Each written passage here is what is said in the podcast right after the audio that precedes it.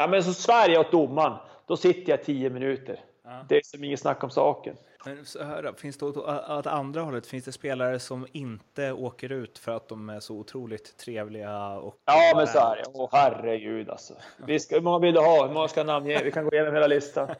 nej, men då, nej, men nu är det väl en tio stycken som alla lagkaptener först och främst. okay. Joel Lundqvist, han, han kan nog säga vad han vill och komma undan med det. Absolut. Nej, men någon, eh, snart är eh, råttet mogat alltså. Persson! Lägger på blå för loppen, kommer skjuta, fintar skott, spelar pucken höger istället, Davidsson skjuter, man lever över returen! Skottläge kommer där! Kan jag få låna micken? I mål! Hur skjuter karln? Hur skjuter han? Jag kan bara säga att det där är inget skott faktiskt, Lasse. Det där är någonting annat. Det där är liksom, han skickar på den där pucken så jag nästan tycker synd om pucken. Den grinar när han drar till den. Utan Fröbo var målvakt! Kan jag få låna micken? Kolla! Poff! En allvarligt talad Leif Boork håller på med hockey i 600 år! Kan jag få låna micken? SHL-podden är här igen från Nordic Bet. Det är avsnitt nummer tre. Och jag som pratar heter som eh, de två tidigare avsnitten Mårten Bergman. Och det här är ett historiskt avsnitt för det är nämligen det första vi gör som är inspelat på Skype. Det första var jag i Göteborg och träffade Anton Axelsson och det andra var jag i Ängelholm och träffade André Brändheden. Och varför är jag då inte eh, i Schweiz och träffar Per Ledin undrar ni? Jo, för att eh, det tar för stor del av eh, budgeten. Så vi testar via Skype och då säger jag alltså välkommen till SHL-podden Per Ledin. Hallå, tack du då. Ja, hur eh, känns det att vara vår första historiska Skype-gäst? Det känns självklart eh, jätteskoj, så att eh, vi ska göra något riktigt bra av det här. ja, det tycker jag.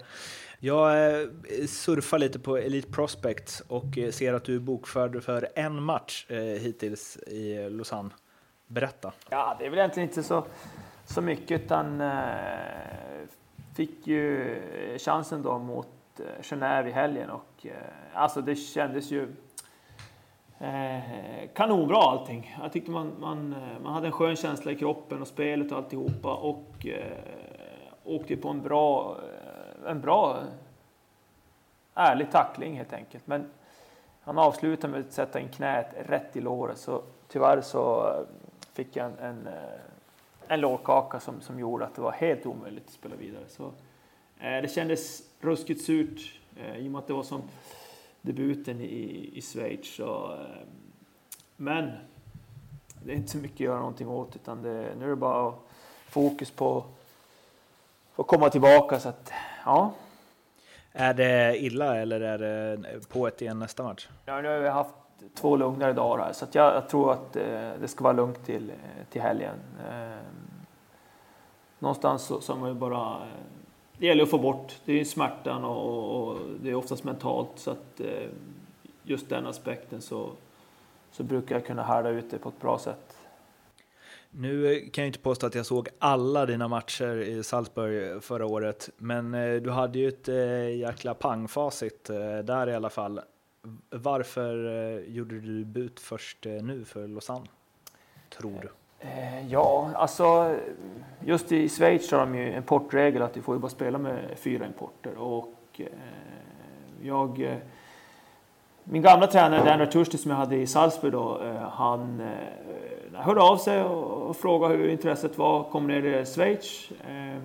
Och jag kände att det var en, en, en utmaning, jag har aldrig varit i Schweiz men jag vet att det är otroligt bra, många bra hockeyspelare som blir här nere och kände att den utmaningen vill jag ha. Så att, eh, jag kom in och började som, som femte import helt enkelt. Och eh, jag skulle nog säga att det är en av de tuffaste beslut man har, man har tagit. Eh, normalt sett i ett lag så eh, ja, men gör du bra träningar, du är het på träningarna så då spelar du nästa match. Eh, så enkelt är det. Det blir ju en, en, en sån konkurrenssituation. Eh, Medan nu så så kom man in sent eh, och som sagt signade som, som femte import och, och, vårt lag har ju gått som tåget och, och leder serien här nere. Så, ja, man har som försökt att, att jaga folk på träningarna och, och göra riktigt bra ifrån sig och, och det känner man själv att man, att man har gjort. Att man, att man oftast med när man, om man spelar tre mot tre eller fem mot fem eller, eller man är som med där i hettan och, och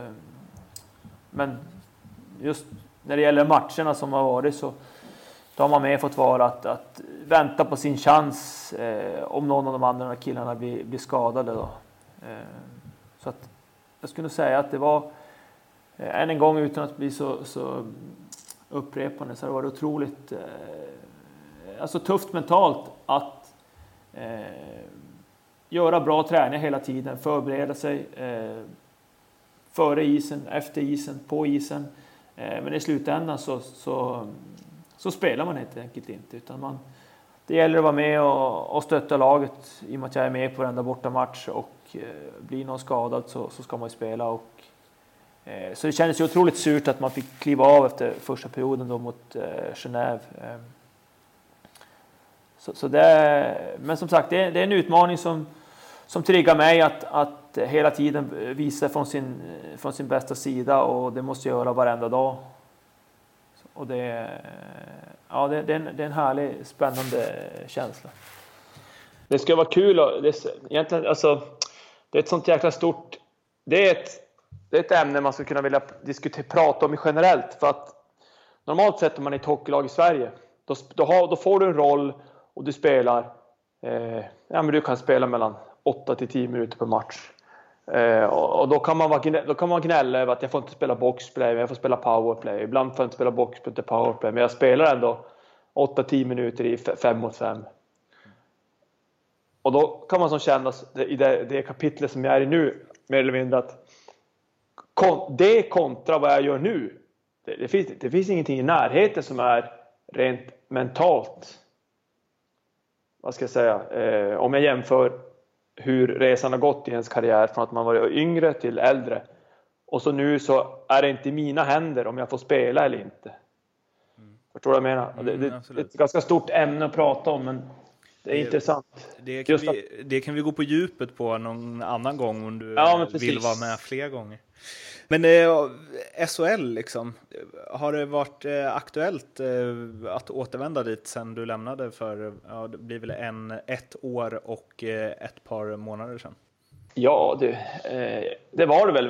Redan i, i fjol eh, så var det ett, ett, par lag som hörde, hörde sig för och Eh, ja, undrade om jag kunde ta mig lös från Salzburg. Och, eh, men jag kände väl att ja, den resan man började med, med just med Salzburg och man hade en bra roll i laget, eh, trivdes jättebra och så var inställd på att köra hela året där. Och, ja, och, och det ångrar jag inte sekunder i och med att vi fick vinna alltihopa. Eh, så att det är väl det. Sen, sen eh, under sommaren så var det lite oklart vart jag skulle ta vägen och så och då det är klart att innan jag valde att åka ner till Lausanne här då så, så fanns det ju lite... Alltså valde jag helt enkelt att tacka nej till SHL och, och, och köra på, på här nere då. Klubbar vill vi ha. Vi vill ha klubbar ja. Uh, ja. En lång lista eller? Ja. Men det, det, det, spelar väl egentligen ingen roll tycker jag. jag någonstans så känner man sådär att alltså man, har, man känner att man, man visar en res, respekt gentemot de klubbarna som man... Det är klart att, att Färjestad var, var en av de klubbarna och, och eh, i och med att jag var där och, och försökte visa vad man går för i början på säsongen. Mm. Sen var det även två andra klubbar, men de, de känns mindre relevanta att prata om. Utan det var, så det var, ett, det var ett jättesvårt val, men, men jag, jag ångrar inte en sekund att jag gick på det här spåret. Varför eh, blev det det det blev då? Det är ju lätt Nej. att tänka att i Schweiz finns det mer pengar. Ja, eh, givetvis. Alltså jag är ju en sån människa som triggas av utmaningar. Mm. Och jag som spelare, eh, i och med att jag får bara ha fyra importer som spelar varje match, så ja, det kändes otrolig morot att få komma hit ner och vara en av importerna. Och som sagt, jag visste med facit i hand att jag kanske inte kommer att spela varenda match, men på något sätt så vill man ju... En viss trygghet var det ju att jag hade eh, Dan Ratushny som jag hade i Salzburg, så jag vet ju vad... alltså spelsystemet, spelsätt. Han kan mig in och utan och vet vad han får och vill ju att jag ska försöka vara en slags motor i laget och, och driva laget. Sen att, att eh, så kommer istiden eftersom. Det är en lång säsong och det är väl ingenting jag fokuserar på. Men, men det var just den själva utmaningen att ta fram det bästa ur en varenda dag. Vi ska ju prata lite om det här med eh, ålder. Vi har det lite som tema på det här avsnittet. Eh, och då tänkte jag att vi skulle koppla tillbaks lite till det du nämnde nu senare. Först ska vi dock gå igenom lite av det som har hänt i SHL under, eh, ja, sedan den senaste podden spelades in och plockat ut eh, lite rubriker och snacka kring. Eh, men först av allt, hur mycket följer du SHL från Schweiz?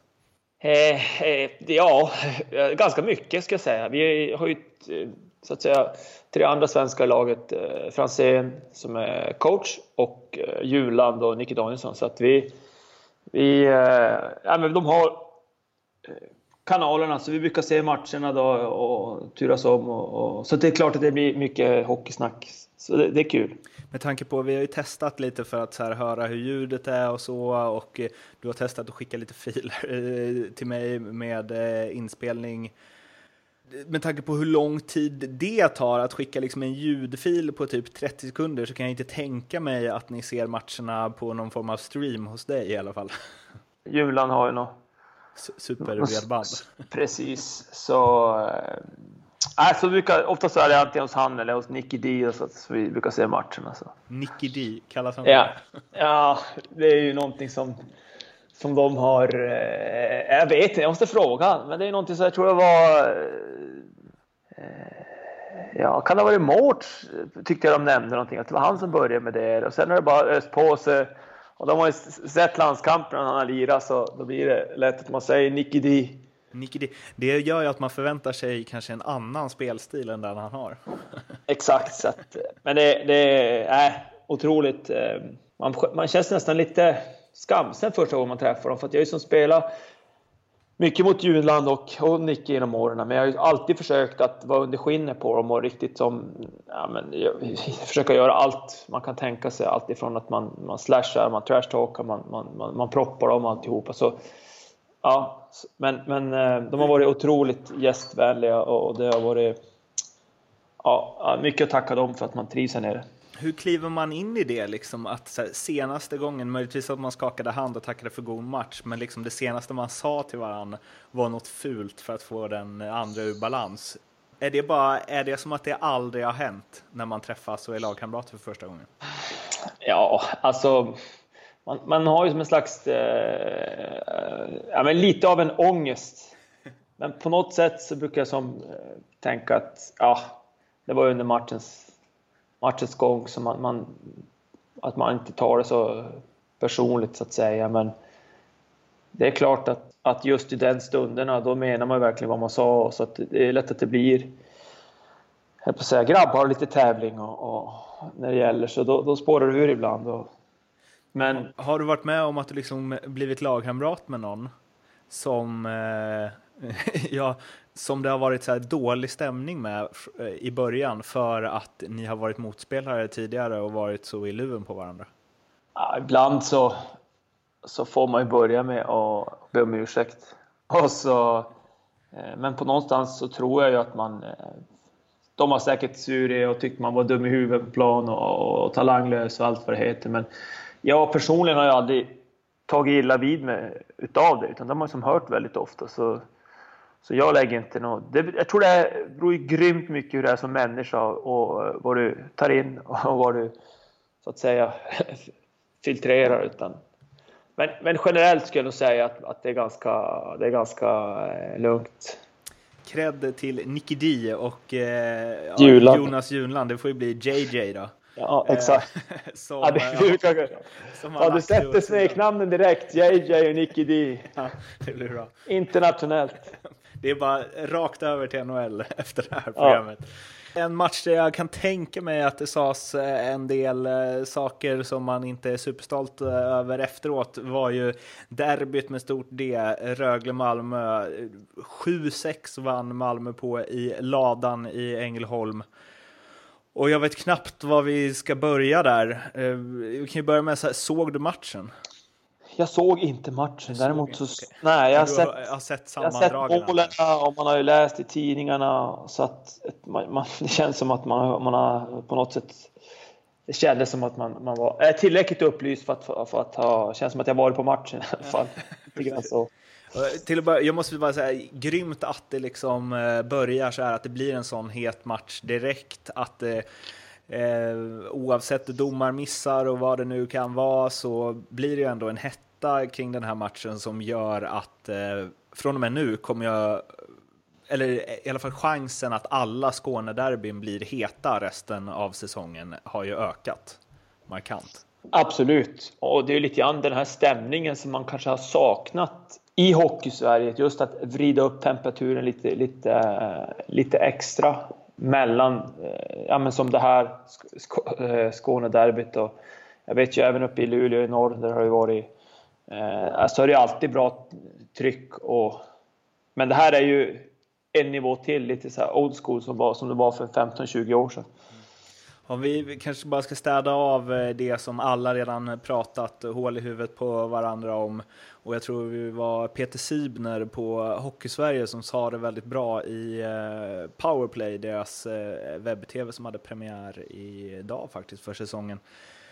Då sa han det att ehm, domarna kunde angående Ilari Filppolas eh, matchstraff då efter en, eh, ja vad ska man säga, undvikstackling eh, på Connolly.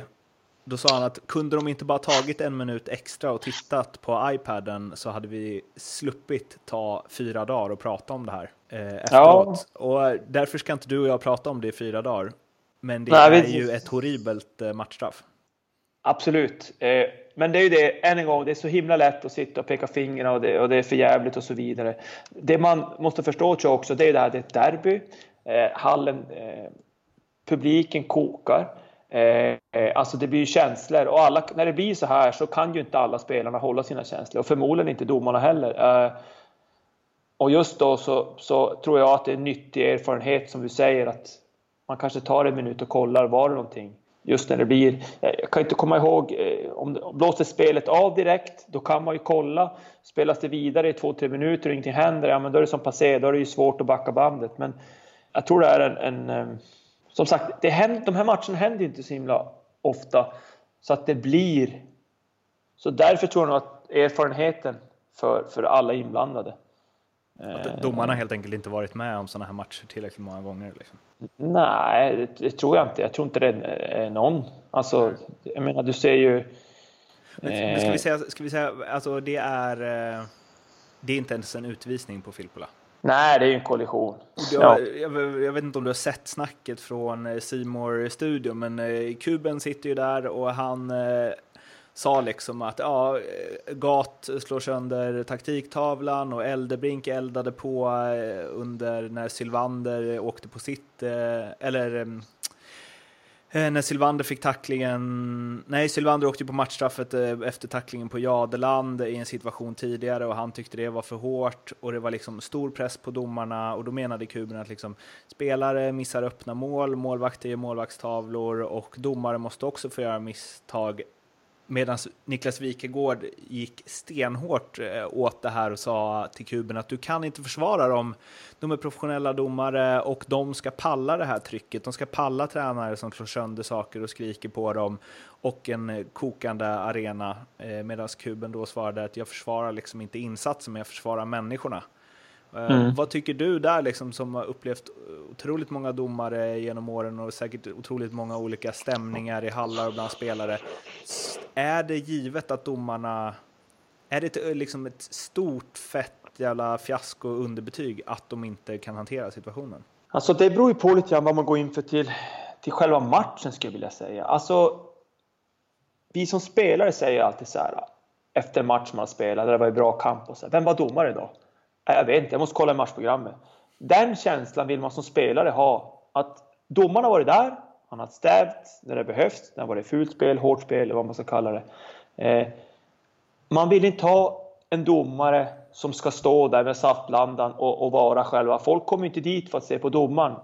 Nu kanske man låter lite hårt, men de kommer ju dit för att uppleva stämningen och se matchen. Och på något sätt så vill man, tycker jag om när domarna kliver ut hårt, stävjar, de har en bra dialog och känner av, så att säga.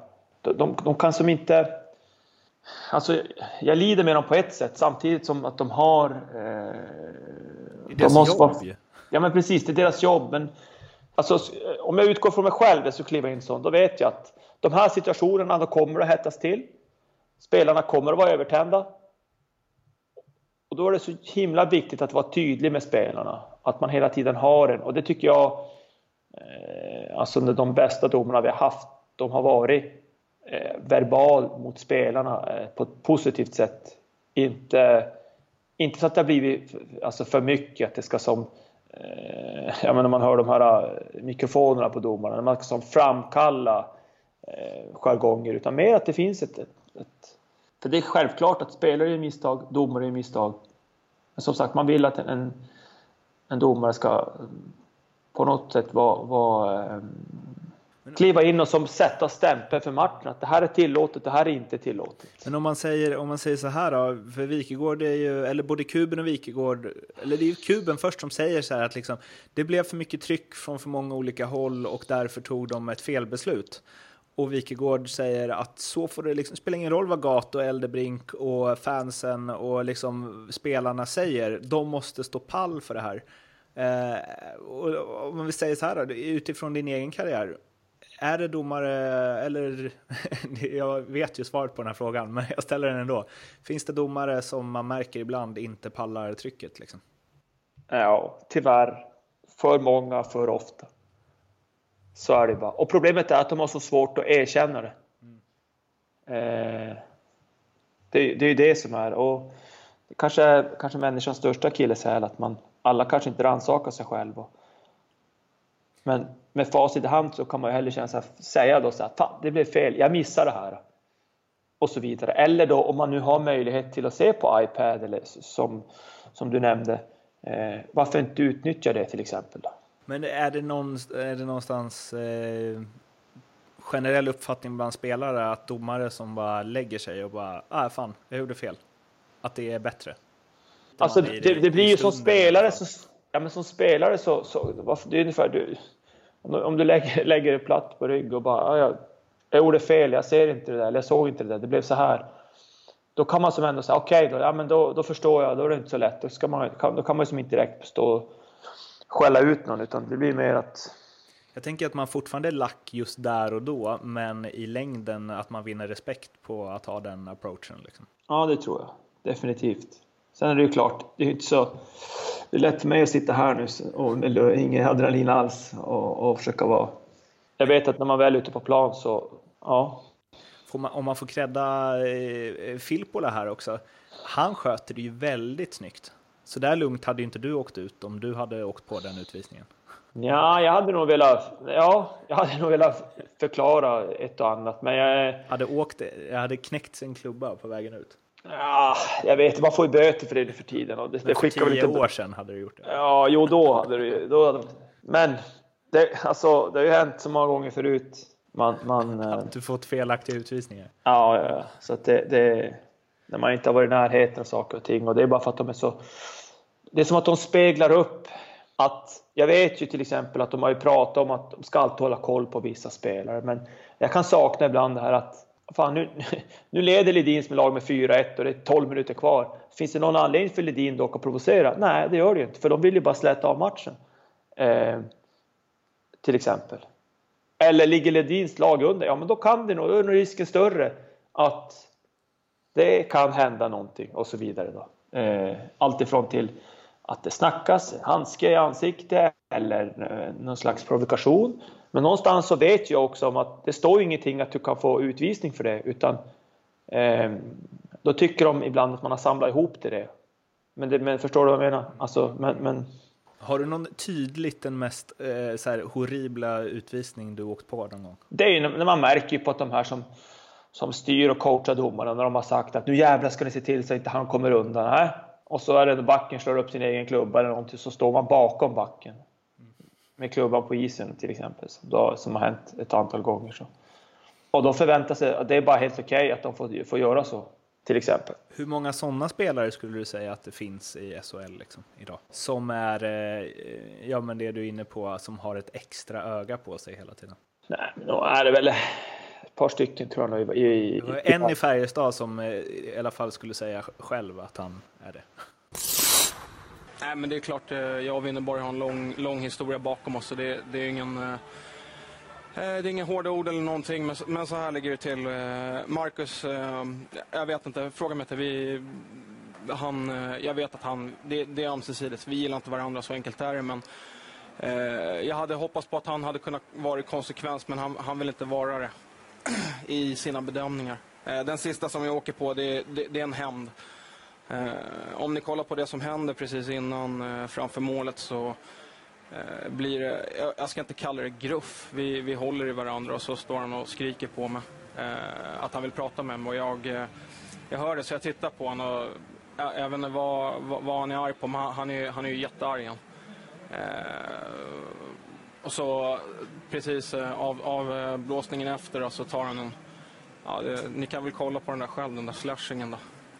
Och det, det, det känns, vad, vad ska jag säga, det, eh, så länge han dömer så det, det är en omöjlig position för mig att kunna spela. Eh, det, det är enbart hämnd och eh, ja, eh, så har han hållit på i stort sett 90 procent av min karriär så det är inte så mycket att säga. Det, men det är klart, han är OS-domare så det, det, ja, så är det. Ja, eh, men nu har de väl eh, två, tre stycken kanske i varje lag. Men det är mer, alltså, nu, nu, nu förstår jag säkert att du pratar om ordet som själva retsticka. Sen har du ju spelare som spelar på gränsen också. Alltså, och det är klart att de också lever lite, ja, men att de lever lite farligt. En sån som Anton Hedman, får han fler utvisningar för att han har gjort fler fula grejer?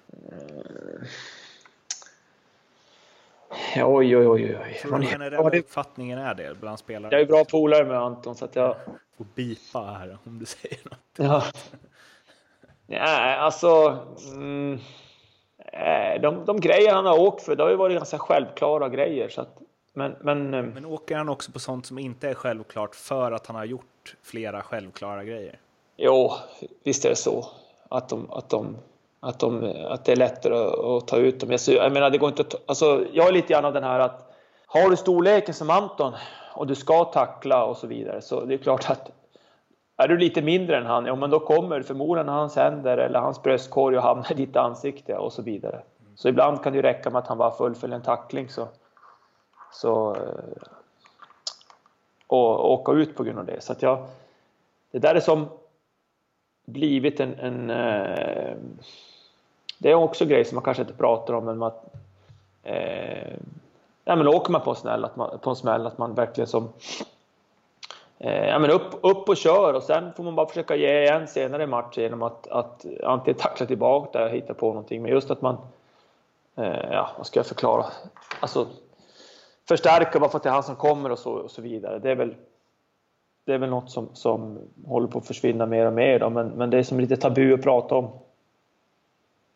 Eh, man hör ju inte så ofta spelare som säger till varandra att fan res upp nu, kör vidare, skit i det där. Men så här, då, finns det åt, åt andra hållet, finns det spelare som inte åker ut för att de är så otroligt trevliga? Och Ja men så är det, åh herregud alltså. Vi ska, hur många vill du ha? Hur många ska namnge? Vi kan gå igenom hela listan.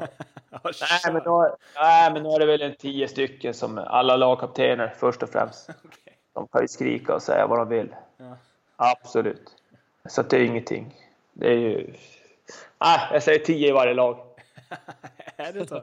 Har tio lagkaptener i varje lag. Nej, men det, det är tre i alla fall. Men, men eh, nej, nu är det så. nog. Alla kanske inte- sen och alla an. Ja, det är tre i varje lag i alla fall. Så sen plussar vi på fem till. Då. Målvakterna då? Är inte Ja, det lite mål- skyddad verkstad också? Ja, alltså, men det är inte så många som... Säger något. Nej. Det är inga saler längre. Nej, det är inga så. Nej, eller vad heter det? Norrena eller om det är något. De har som... De är ganska coola. Men fan, man måste veta, jag måste ju ha något namn. Finns det någon som är så här, som borde fått så otroligt många utvisningar men inte får det för att han är omtyckt liksom? Alltså jag skulle kunna namnge så många äldre spelare, kanske som inte spelar nu. Alltså, som, Ja, men, alltså jag vet ju tidigare när... när ehm, ja, men så Sverige åt domaren, då sitter jag tio minuter. Det är som inget snack om saken. Men, ja, men alla, alla kaptener, ja, det är lite känsligt där, men eh, jag tyckte Davidsson, alltså när det väl brann av för honom så var det fritt. Ja, men Joel Lundqvist, han, han kan nog säga vad han vill. Okej. Ja. Eh, och komma undan med det.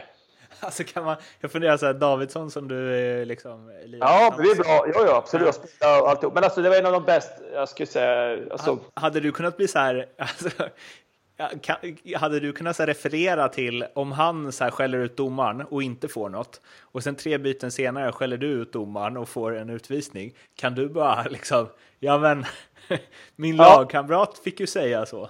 exakt. Men jag har bara försökt att, ja, det är ingen idé. Utan det, man kan inte säga. Kanske han också åker nästa gång. Nej, men jag har ju förstått det, alltså att, att det är så. Så jag har för, försökt hela tiden tänka i alla fall att Eh, ja, men sen införde ju att det är böter för snack, snack med domaren 10 minuter så kostar det tusen spänn och, alltså till lagkassan och så vidare. Så, men på något sätt så älskar man ju spelet för mycket för att jag ska provocera mig och säga, tyck, tala om en, att en domare är dum i huvudet, för det hjälper ju egentligen ingenting. Eh, just för den stunden då. Gat drog ju sönder, eller han försökte i alla fall slå sönder taktiktavlan. Jag vet inte om det gick så bra. Det rök lite flisor, men jag såg inte om det var så mycket mer än det. Men äh, där, har det varit höjts röster ju, för varför liksom inte han blev, eh, fick en utvisning eller uppskickad på läktaren eller vad man nu gör. Liksom. Ja, exakt. Vad och då tycker jag du om det? Ja, men domarnas jobb, vad är det att göra? Alltså, och då vet inte jag om de är tillräckligt förberedda på kaoset som kan bli när det är ett Skånederby, Norrlandsderby. Alltså när, när känslorna kokar. Och ja, ska man då hänga domarna då, så att säga hänga, hänga ut dem för att de inte så att de inte är beredda. Men har de aldrig upplevt det där? Alltså, det är därför man står som fågelholkar och inte vet så ah, vad ska jag göra nu? För nej, jag bara låter det passera. Jag menar, de, titt som tätt så flyttar de ju upp, så, så domare, domarna flyttar upp coacherna i fotboll på läktaren. Jag tror bara att den, den matchen, den stämningen, det var för mycket att hantera. Men det, det Gat gör där är ju, det är inte okej. Nej, men du säger bara två dagar senare så är det ju någon, någon eh, det är, vilken tränare är det J20 som slänger ut blocken på plan? För det blir baklängesmål. Men det blir ju också någon form av så här eh, eh, konsekvens av att man inte stävjar det i första läget liksom. Men han gjorde så. Ja, ja, absolut. Visst är det så. Men det är ju det där... Och någonstans så finns det, och det där vet jag, jag har jobbat en hel del med fotboll liksom och gör fortfarande.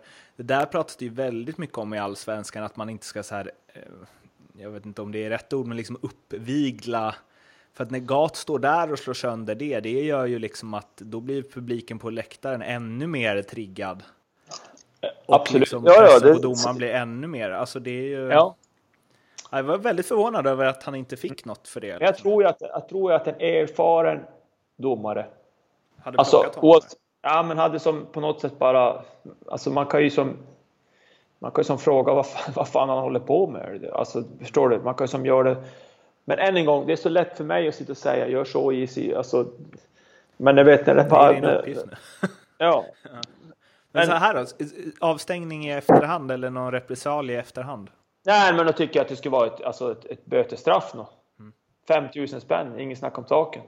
5-10 000 bara. Så, så, det, det, där är ett, det där beteendet vill vi inte ha. Innan vi stänger den här eh, Skånederby-snacket eh, så spinner vi vidare på arga tränare. Vem är den Ja. argaste du haft? Oj. Argaste jag haft? Nej, det är mer att jag fått de andra tränarna att koka över. Alltså. Eh, Janos Hari, det finns ju en version av den här podden som heter SHL-podden Möter som är en, en timmes snack med en spelare och första avsnittet var Janos Hari med. Han berättade att han hade haft någon tränare i Finland där som jag inte kommer ihåg vad han heter, men han är ju ökänd och tränat i KHL och så. Eh, han hade ju liksom eh, sparkat spelare i periodpauser. Och Nej, grejer. faktiskt inte. Inte.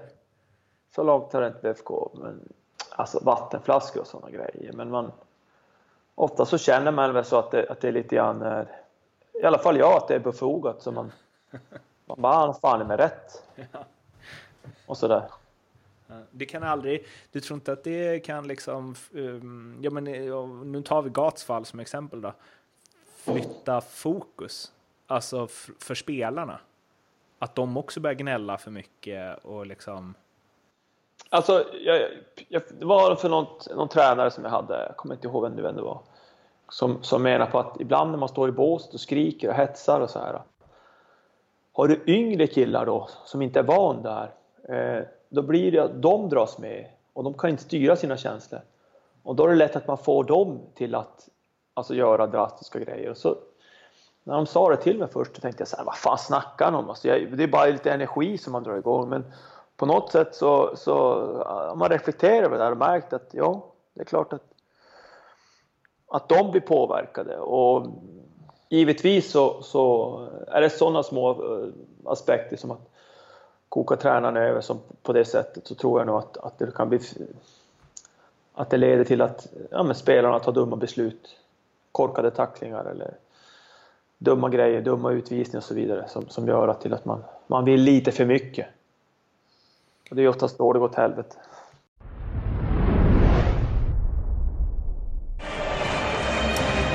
Laddar för spelarentréer i en närmast utsåld ABB Arena i Karlskrona. Publikrekord, publikfest.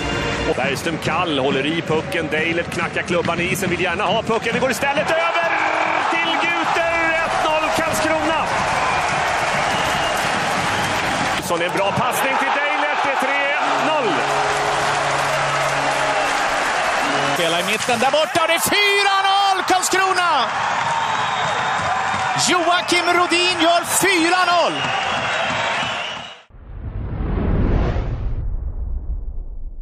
Karlskrona, fem segrar tog de förra året. Nu Mm. har de tre raka. Mm. Jag såg eh, deras första blir av de tre raka mot eh, Leksand 3-1 och jag tyckte båda de lagen då såg ut som hockeyallsvensk topp eh, snarare än SHL-lag. Men sen har ju de eh, trummat på, eh, både mot eh, Djurgården och Färjestad och tagit ganska lätta segrar. Vad har hänt där? Alltså jag skulle gå snabbt till alltså gruppdynamiken. På något sätt när du har ett, oavsett om det är ungt eller gammalt lag, men när rollerna har satt sig, man lär känna varandra, man får den här känslan att det är vi mot de andra. Oftast tändvätskan när man är nedskriven och så vidare så, så sluter man sig samman och jag tror att man du lär känna varandra bättre, du kan coacha varandra bättre. Du vet hur du ska coacha varandra. Du kanske inte ska bara stå och skrika någon i ansiktet utan du kan, kan locka ut den lilla extra energin genom att, alltså, alltså en positiv eh, pepp. Och, ja, det är klart att när de känner Karlskrona som, som eh, att de är med i matcherna och de får göra 1-0 och 2-0 så det är klart att då, Eh, ja, men då, då, då, då känner de sig som, som, som, alltså som riktiga inte som Luleå Hockeystålmän, men, men som ändå som den känslan att fan, nu är vi ostoppbara. Och alltså, SHL är ändå så pass eh, alltså, hög nivå så att har du inte det där fokuset i början på matcherna eh, att det andra laget får och sätter dit sin chans, alltså, ja, då blir det alltså det, det mentala spelet och det är klart att de bitarna som jag pratade om gör att, att de eh, ja, men de tror på det de gör. De får självförtroende i allt de gör och, och, och så att säga triggers.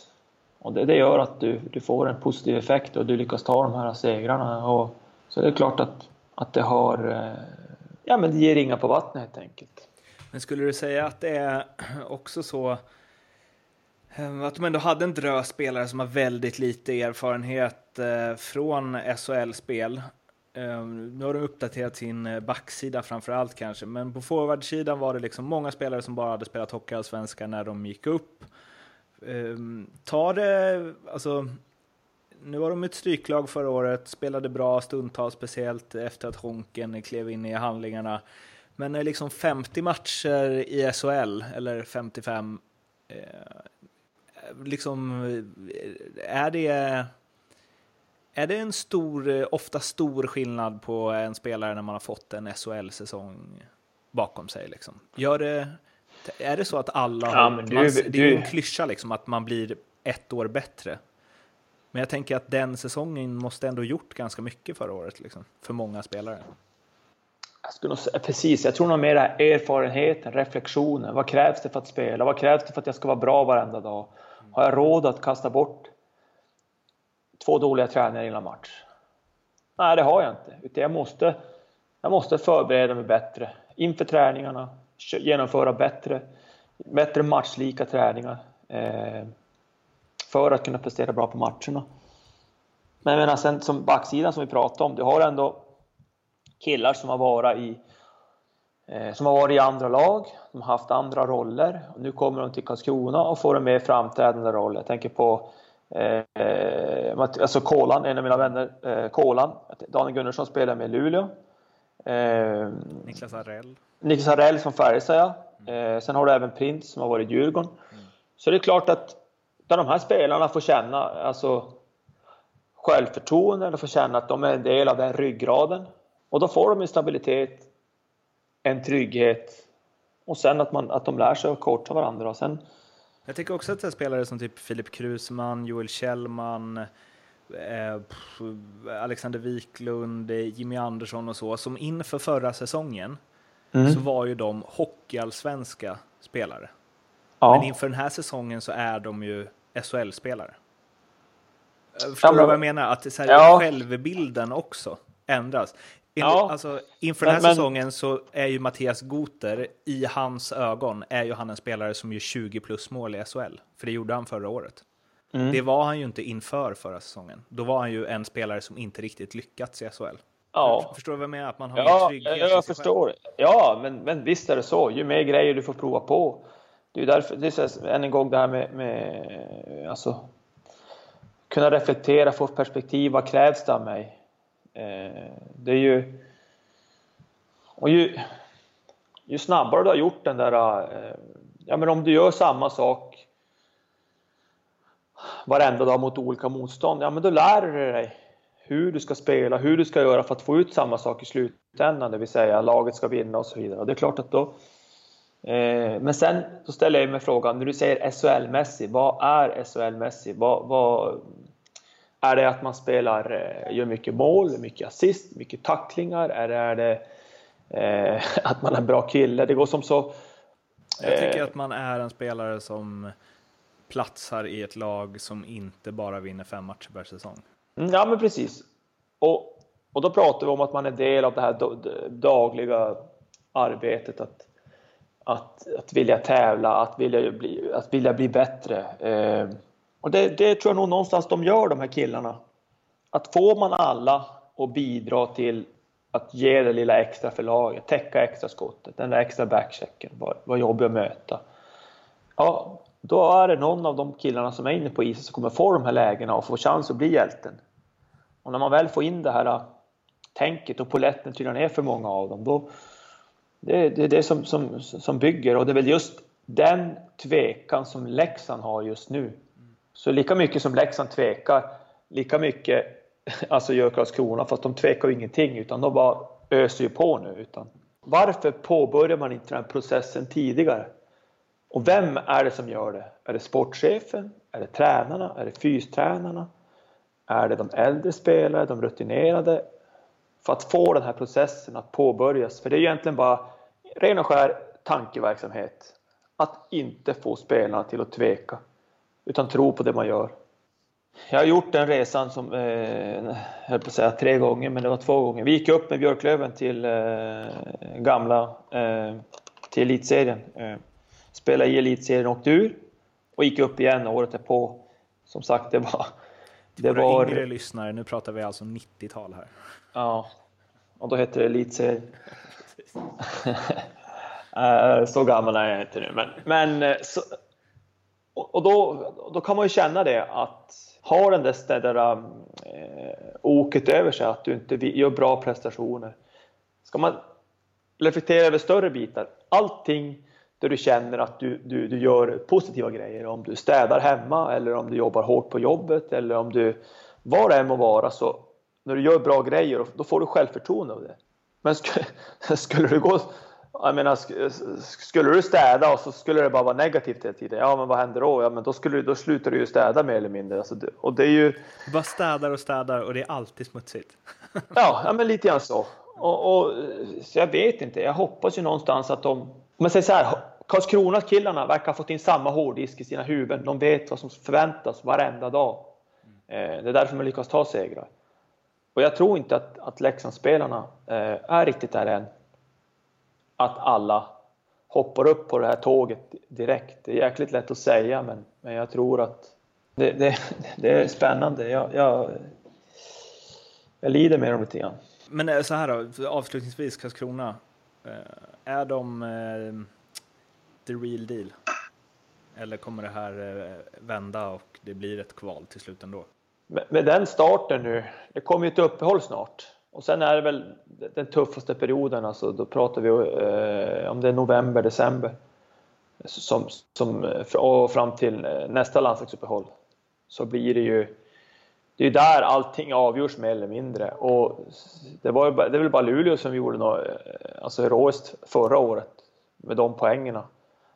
Helt klart är ju att, att det ställer ju till det för, för, ja, men för alla lag som är inblandade. För att även jag kan sitta och kolla att de här lagen ska lyckas bra, de här är i toppen och så vidare.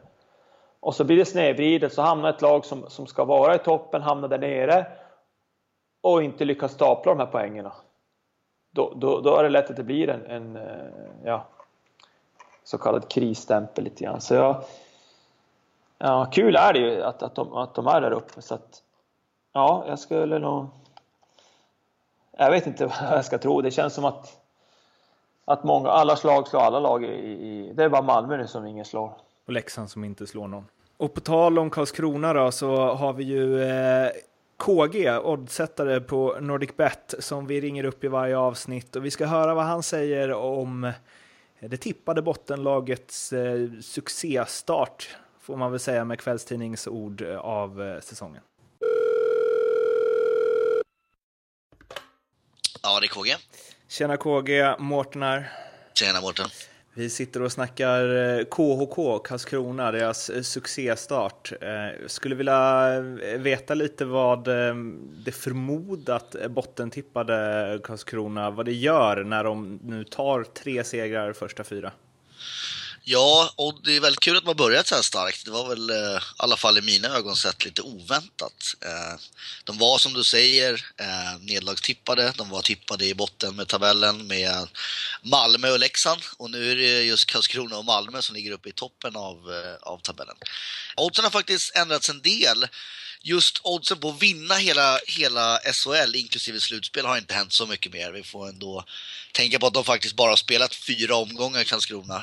Men just oddset att ta sig till slutspel är det som har flyttat sig lite grann. Det har gått från att de har haft ungefär 20 procents eh, chans till att det nu är lite mer 50-50 om de kan ta sig till slutspel eller inte efter den imponerande starten. Om man ser på Malmö då, som du också nämnde där, det visste jag faktiskt inte att de var tippade långt ner. De har ju tagit sex raka segrar, de har en powerplay-procent som jag tror är typ 67 procents effektivitet, vilket ju är helt galet och förstås ja. aldrig kommer hålla i i alla omgångar. Men vad liksom, har det ändrats än mer på dem? För när man liksom ser eh, diverse experter så är det många som tror att Malmö faktiskt kan hålla i det här och gå ganska långt. Ja, och, och jag med dem skulle jag säga. Eh, Malmö spelar som du säger väldigt imponerande och eh, har gjort många intressanta nyförvärv inför säsongen. Malmö är väl det laget som har gjort det största klivet oddsmässigt på att vinna hela SHL. Man, man gick från runt eh, 30 till 50 gånger pengarna inför säsongen till att nu ligga på, på odds 13. Så att man har, man har klättrat rejält faktiskt. Eh, om man ska jämföra med Karlskrona som också gjort en imponerande start men som, som man inte riktigt tror skulle kunna hålla hela vägen. Finns det något, eh, liksom hur är oddset för att Karlskrona skulle eh, slippa kvala eller liknande, alltså en justering där?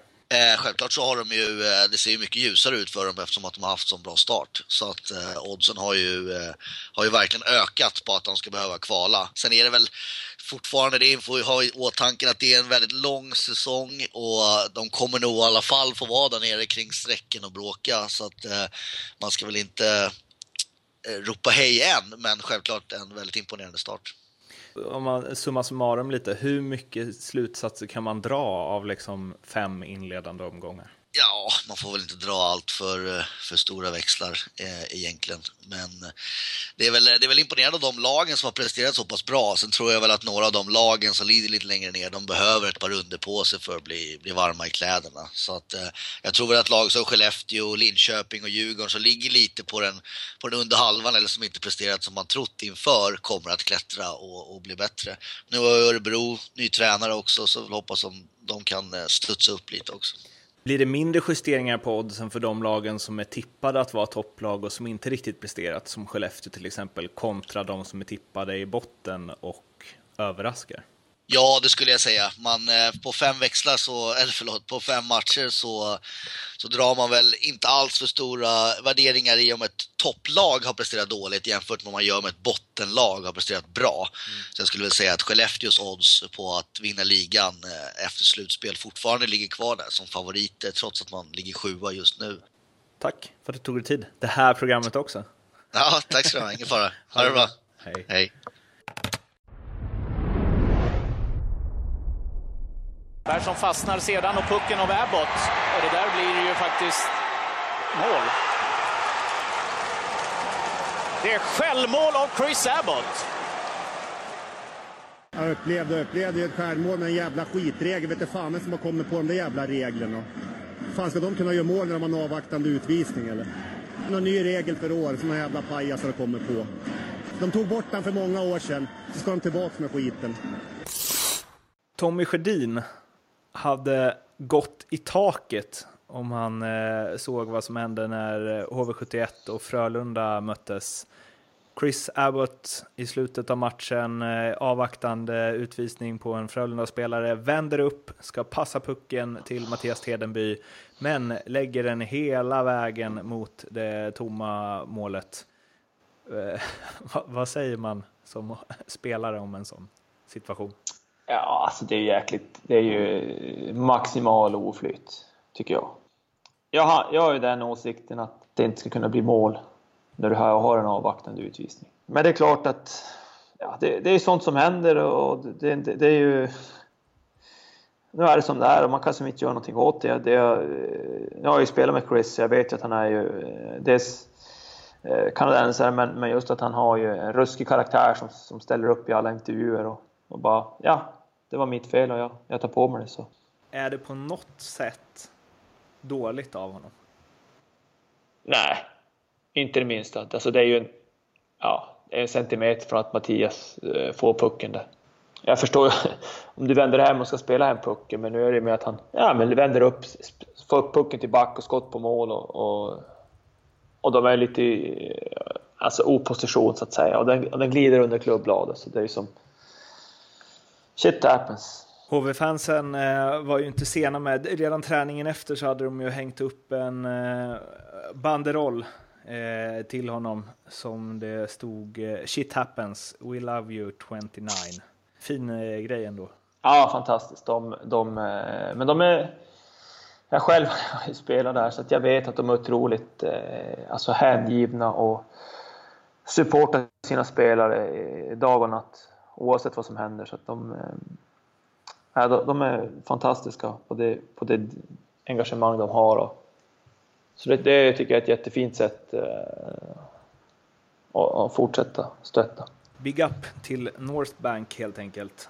Mm. Måste också säga det om Chris Abbott. Jag liksom vet, visste inte riktigt när jag skulle ta tillfället i akt, men jag var runt och besökte de flesta SHL-klubbar inför säsongen Eh, Eh, för det här projektet bland annat och då när vi var i HV så de har ju en eh, liksom träningshall eh, eller vad man säger som sitter ihop tror jag, eller är i liksom eh, huvudarenan.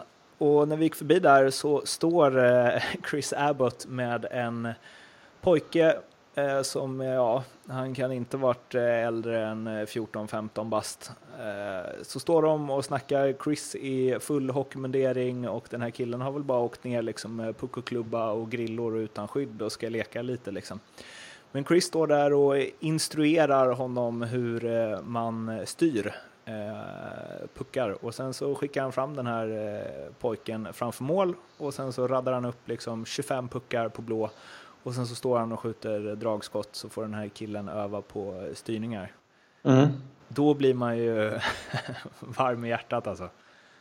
Ja, absolut. Ehm, alltså det kan berätta mycket historier som helst när det gäller både Chris och hans broder Cam. De, ja, men de åkte ju spontant upp till Jokkmokk och, och, tränade med, med ungdomslagen där uppe. Och, eh, nej, de är, de är, jag känner mig ruskigt stolt och fått dels Nej, men på tal om dem, där var det sjukt. Ena dagen crosscheckar man av klubban över Chris och hamnar i fighter och så nästa dag så, så är man i samma kedja som dem. Så det är ju sådär, eh, men men äh, jag tycker det är fantastiska människor och de, och de vill verkligen eh, ge energi och, och, och, dela med sig sina kunskaper till andra. Alltså inspirera andra människor. Och, eh, så jag, helt fantastiska. Jag är inte ett dugg förvånad att, eh, att Chris eh, gör sådana grejer. De, de, de ger verkligen energi och, och, och de är väldigt måna om att, som jag brukar kalla det, Next Generation ska, ska, ska må bra och de är otroligt duktiga när det gäller barn och sådär. Sista punkten, vi sa att vi skulle prata lite tema ålder. Du ska iväg och eh, göra lite grejer för din klubb och det här avsnittet börjar dra iväg i tid så vi skjuter fram det som en härlig cliffhanger till nästa vecka då ni också ska få en intervju då med Johan eh, Honken Holmqvist. Men vi ska avsluta här lite med eh, en klubb som du har spelat i och som eh, jag vet inte, som det har varit en speciell feeling runt de senaste åren, tycker jag i alla fall, nämligen Färjestad, som någonstans, de missade slutspel, ni kommer väl de flesta ihåg eh, tårarna från eh, Rickard Wallin i, i tv-studion, och de har Ja, de har haft det tufft och liksom, nu gick de till slutspel förra året och det har varit, eh, varit snack hela tiden om på något sätt en omstart, att de ska bygga liksom upp den här mentaliteten igen och det som fanns i Färjestad under, eh, under väldigt många år. Och de har liksom inte riktigt hittat dit och så känns det, väl, ehm, känns det väl i början av den här säsongen också. För att spinna vidare lite på det så pr pratade jag med ehm, lite folk när jag var där eh, och hälsade på och då sa de det att liksom på, på tal om publiksiffrorna, de, när de gick till eh, slutspel, liksom att det inte Ja, det var inte fullsatt, liksom alla förväntar sig, är så vana vid semi eller final där. Men att man nu kanske har, eh, har liksom gått man har hamnat så långt bort från det succéfyllda Färjestad som var så länge att publiken kanske har liksom börjat förstå där att fasen, eh, det är steget att ramla ur är inte så långt. Det räcker med en felsatsning alla Modo och sen är man där. Och att det där har börjat vända, liksom, att man har börjat tänka och se på sitt lag på ett annat sätt. Att det är liksom inte bara SM-guld eller skit längre. Uh, nu ordar jag mycket här, men du som har spelat mm. i klubben och mött klubben och liksom uh, hittar mm. du något uh, frö du vill ta, ta upp där av allt jag har sagt? Ja, alltså jag skulle nog först och främst säga att alltså de åren som Färjestad var som bäst, då hade de ju likt Likt HV71 med, med, med Davidsson i spetsen, Jörgen Jönsson, eh, Nordström, Pelle Pressberg och då är Thomas Rodin, Mattias Johansson, Höglund.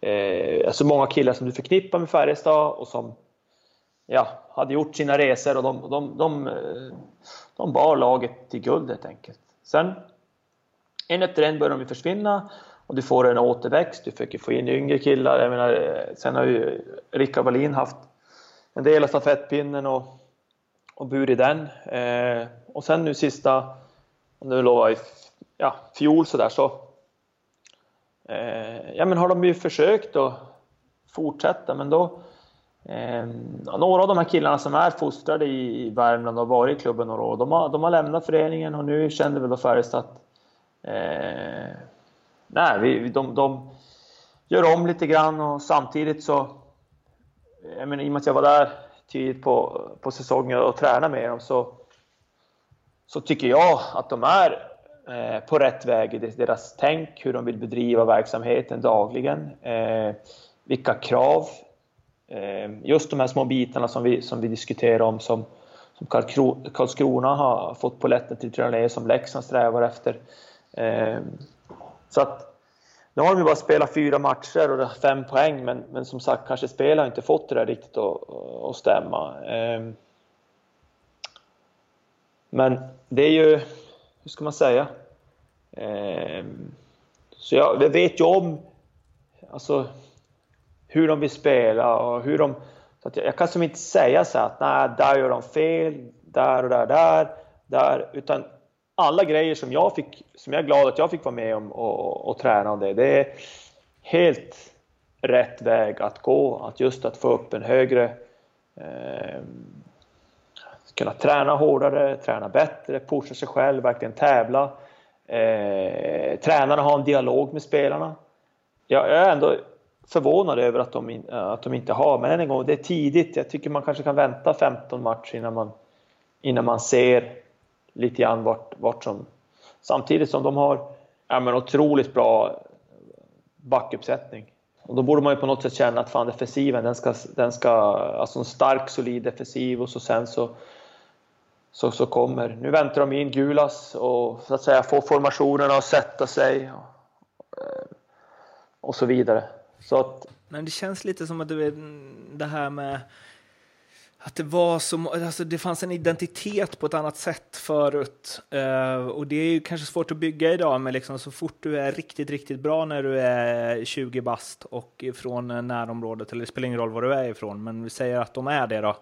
De är från Värmland, eh, 20 år, eh, talanger. Uh, NHL plockar ju över dem liksom. Och det där att hur, det känns som att det är viktigt för Färjestad, det känns som att det är viktigt för publiken där Eh, att känna någon förankring i bygden, eller vad man ska säga. Speciellt om inte resultaten kommer. Nej, men det, det enda jag kan se som är farligt, och då säger jag inte att det här är just i Färjestad. Det som är farligt, det är ju när du har... Eh, nu får jag välja mina ord här, så att det inte blir... Men självklart så är det så att du vill ha duktiga spelare oavsett ålder. Och speciellt när du har unga talangfulla spelare som står mitt emellan. Ska jag dra till NHL eller ska jag vara kvar i Färjestad? Och självklart så måste de svenska klubbarna tänka så här. Ni kommer att få spela här. Eh, och det jag kan tänka mig är farligt. Det är att om man lovar yngre spelare speltid. Jo, men vad händer då? Jo, blir man lovad eller på något sätt man, man vet att fan, jag kommer få spela, ja. Då börjar man tumma lite grann på löjliga grejer. Men förberedelse till träningar, komma i tid, väcka kroppen, styrketräning före, snabbhetspass innan träning, köra stenhårt på isen, nedvarvning. Alla de här grejerna du kan påverka det. Plus att nej men jag behöver inte, eh, jag kommer få spela mina minuter. Och jag tror att det är därför kommunikationen, alltså tränare, spelare, att skapa konkurrens i laget. Så att man vet att, oj då, visst jag lovade att få spela och jag ska ha en bra roll, men gör man inte det man ska, brinner det inte alltså, så att säga i, i, i, i då, då, kanske man ska få beredd att och, och, få stå tillbaka lite grann så att du får en spelare som hela tiden är beredd att och dra det här loket framåt. Och det är det jag skulle säga är signifikativt med de lag som går bäst. Det är att de tillåts turas om och dra laget oavsett om det är en första, andra, tredje eller en fjärde kedja. Men skulle du säga att det, om vi ska landa i liksom Färjestad, där, skulle du säga att det är, nu sa du liksom generellt och gäller alla klubbar, absolut, men är det någonting som du tror att de haft problem med? Eller, alltså, jag vill ändå så här, försöka plocka Nej, alltså, ut varför Färjestad ja. inte lyckas bli, eller de har inte lyckats de senaste åren att vara det laget de var. Liksom. Nej, men det, alltså, eller är kraven orimliga? Nej, verkligen inte. Utan jag tror att det här är en liten del.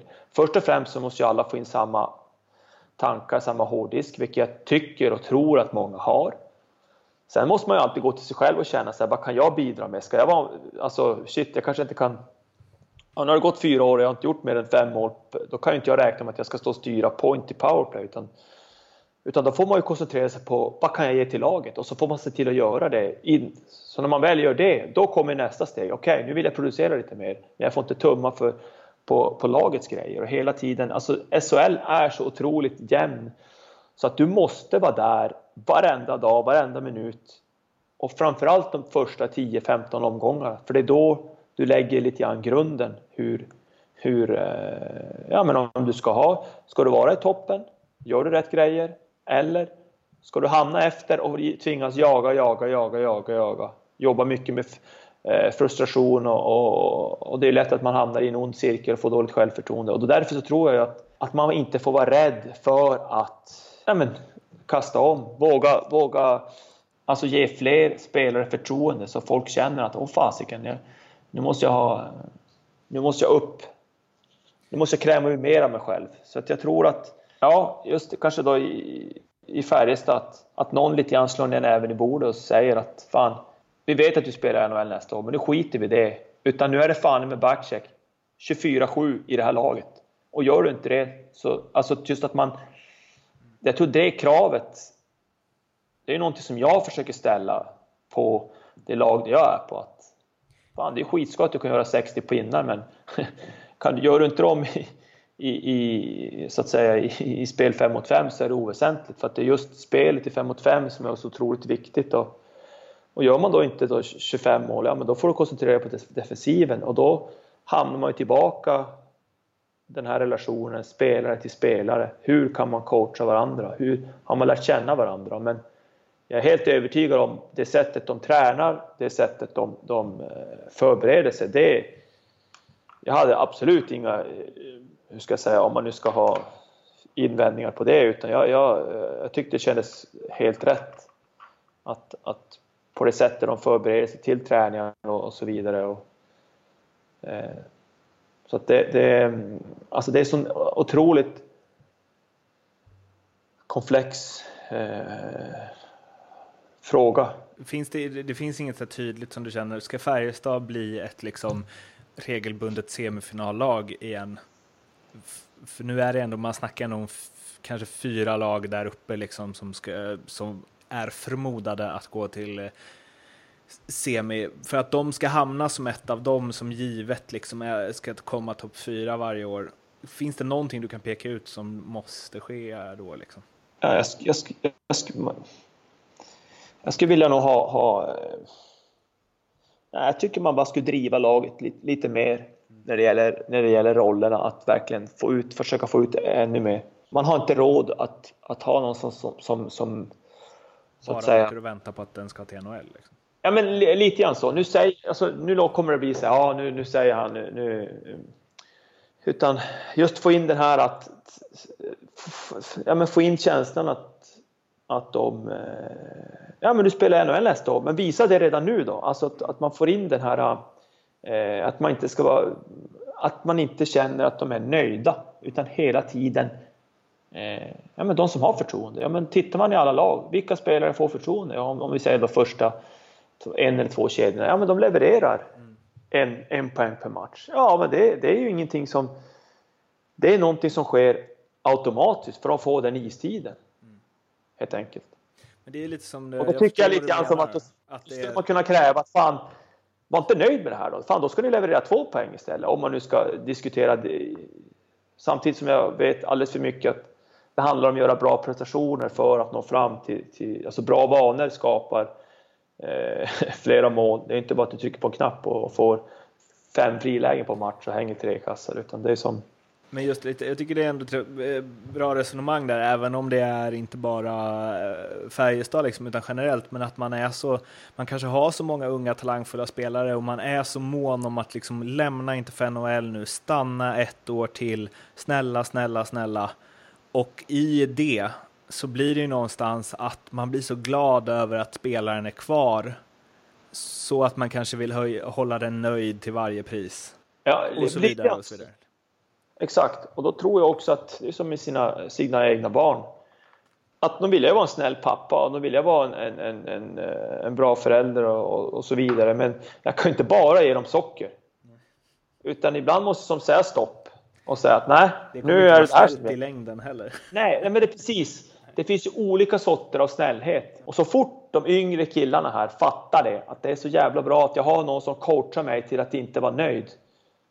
Det är det de ska vara glada, att de har någon som inte är ja-sägare utan som, som jävla grillar dem så att de måste ta nästa steg varenda dag. Då kommer de att känna, fan, åh fan, det var rätt bra att ha den här jäveln som, som, som eh, för då vet de vad som komma skall sen när de ska vidare till NHL. Eh, vilket som är betydligt tuffare och hårdare. Så jag tror att man får inte... Man får inte Tumma på det bara för att ha kvar Tumma. dem ett år ja, eh, längre. Precis. Mm. Du, du ska ju iväg för en minut sen och eh, vi får väl se. Tiden går fort när man kul. Jag väntar på att de ska hämta mig, men de har inte kommit än. vi får, vi får eh, passa på att avsluta då. Vi får väl se om jag får tag i den här filen som du har spelat in nu då det, är, du verkar sitta på någon 56k modem, ni vet sånt där man ringer upp med.